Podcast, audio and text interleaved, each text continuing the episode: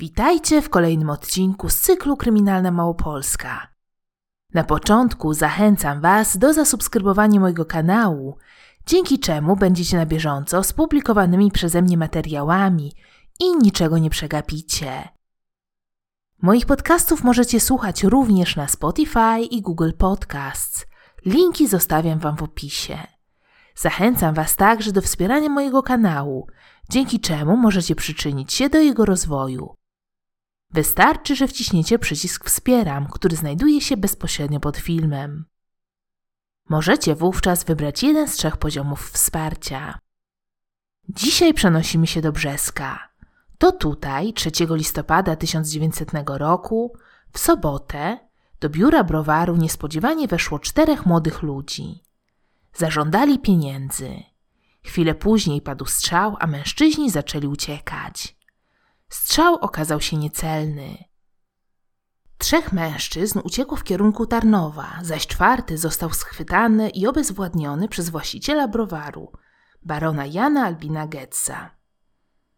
Jednak w czasie szamotaniny padł kolejny strzał, tym razem celny.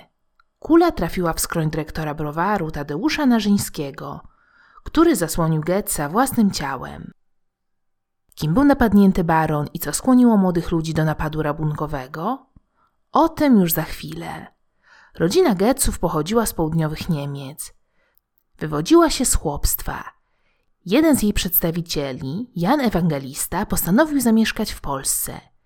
W wieku 30 lat osiedlił się w Brzesku. Tu wspólnie z Janem Naumanem założyli browar. W 1856 roku Jan Ewangelista Goetz poślubił w Pradze Albinę Katarzynę z rodu Żiszków. W 1881 roku Jan otrzymał od cesarza Austrii Franciszka Józefa II tytuł szlachecki. Kolejnym przedstawicielem rodu, który zarządzał browarem, był jego syn, Jan Albin Goetz. Urodził się on 18 lipca 1864 roku. Był człowiekiem wykształconym, znał cztery języki i posiadał zdolności artystyczne. To on zlecił budowę nowego pałacu w Okocimiu. Wraz z nim powstał także siedmiohektarowy park, pełen rzadkich gatunków drzew. W czasie swojej świetności w pałacu znajdowały się oryginalne meble, stara broń, porcelana, gobeliny czy trofea myśliwskie. Na ścianach wisiały obrazy takich wybitnych malarzy jak Jacek Malczewski, Stanisław Wyspiański, Olga Bozdańska czy Kossakowie. Za życia Jana Albina browar należący do rodziny Getzów został przebudowany i stał się jednym z największych zakładów piwowarskich w Europie. Wszystko to było możliwe dzięki osobowości Jana Albina. Zdecydowanie przerastał on czasy, w których przyszło mu żyć. Pracownicy bardzo go lubili, chętnie pomagał biednym. Jan Albin Goetz dzielił się swoim bogactwem. Fundował budowę szpitali, szkół i kościołów. Wspierał także społeczność żydowską w Brzesku. Chętnie obnosił się ze swoim bogactwem. W tym względzie konkurował z pobliskim rodem książąt Sanguszków. Baron posiadał samochód marki Loren Dietrich, który kupił w 1913 roku. Przetrwał on do dzisiaj i jest jednym z najstarszych aut w Europie. Jan Albin był posłem i senatorem, a także działaczem samorządowym. Piastował funkcję prezesa Koła Polskiego w Wiedniu. Wsparł finansowo budowę pomnika Adama Mickiewicza na rynku głównym w Krakowie. Baron Goetz zmarł 24 kwietnia 1931 roku. Na jego pogrzeb przybyły tłumy mieszkańców Brzeska. Wolą zmarłego było to, że po śmierci jego ciało zostało ubrane w wiejską sukmanę, zaś trumna jechała na wozie drabiniastym. Spoczął w krypcie grobowej Gec Okocimskich kościoła parafialnego w Okocimiu Górnym. Na skwerku przy wejściu do browaru stanęło po piersie Jana Albina Getza autorstwa rzeźbiarza Antoniego Madejskiego – które zostało fundowane przez pracowników w 1937 roku. Madejski wykonywał nagrobki m.in. królowej Jadwigi i króla Władysława Wareńczyka, które znajdują się w katedrze wawelskiej w Krakowie.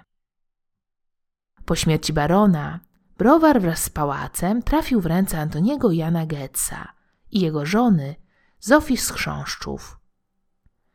Na początku września 1939 roku uciekli oni wraz z rodziną przed Niemcami. Po wojnie nie wrócili do Polski.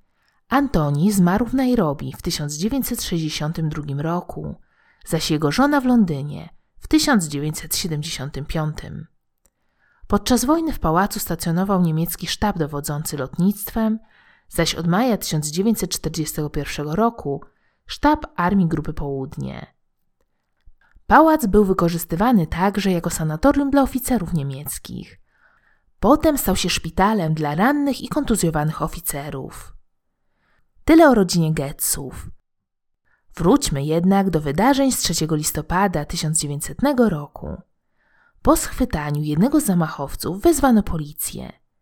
Przybyli na miejsce brzescy funkcjonariusze od razu ruszyli w pogoń za zbiegami. Dotarli do Tarnowa przez Jadowniki, Biadoliny i Dunajec. Zatrzymanym mężczyzną okazał się być Stanisław Styliński. Był on absolwentem Tarnowskiego Seminarium Nauczycielskiego. Szybko wydał swoich wspólników. Byli nimi Teofil Sikora, uczeń siódmej klasy gimnazjum, Antoni Kędzior, nauczyciel z Nowotarskiego i Józef Czyżek, kandydat nauczycielski. W poniedziałek do Państwowego Gimnazjum w Tarnowie przyjechała policyjna bryczka. Na spotkanie wyszedł dyrektor szkoły. Posterunkowy Adolf Winkler nakazał zaprowadzić się do klasy siódmej. Gdy do niej wszedł, poprosił o wskazanie ucznia Teofila Sikory. Gdy ten podniósł się z miejsca, został aresztowany. W toku śledztwa okazało się, że zamachowcy należeli do Związku Oficerów Narodowych. Była to organizacja działająca w Tarnowskim Gimnazjum. Ponieważ nie mieli oni środków na prowadzenie swojej działalności, postanowili wymusić je na najbogatszym mieszkańców okolicy. Wcześniej, jeszcze przed zamachem, dostarczyli baronowi pismo, w którym domagali się oddania jednej trzeciej jego majątku.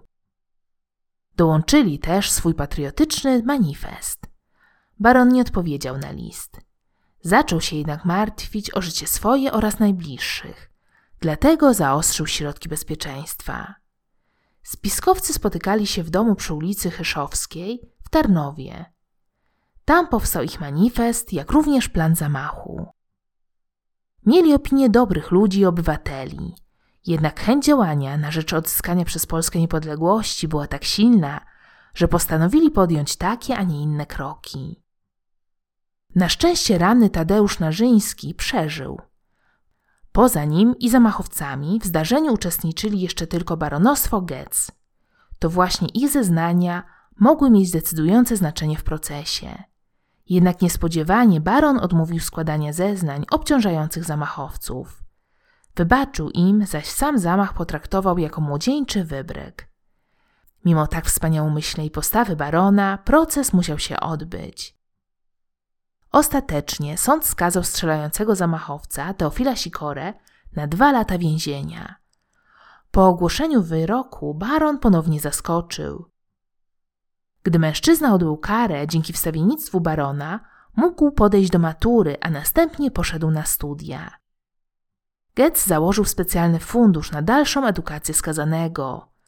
Baron nie zeznawał w procesie, co argumentował tym, że żal mu było Sikory, który jego zdaniem wziął udział w zamachu w imię źle rozumianego patriotyzmu. Podczas pobytu w więzieniu mężczyzna nabawił się choroby płuc i zmarł przed ukończeniem nauki. Zamach na tak szanowanego obywatela, jakim był Jan Albin Getz, wywołał duże oburzenie w Europie. W konsekwencji przeprowadzono szereg kontroli w strukturach ruchów patriotycznych w monarchii. To wszystko, co przygotowałam dla Was na dzisiaj. Jeśli chcecie, żebym nagrywała inne historie, dajcie łapkę w górę i subskrybujcie mój kanał. Pod filmem zamieszczam Wam źródła, z których między innymi korzystałam. Jeśli znacie tę sprawę i macie jakieś informacje, o których nie wspomniałam, koniecznie piszcie w komentarzach poniżej. Zapraszam Was również na Facebooka weekendówmałopolsce.pl i na Instagram. Linki zostawiam w opisie. Do usłyszenia w kolejnym podcaście z cyklu Kryminalna Małopolska.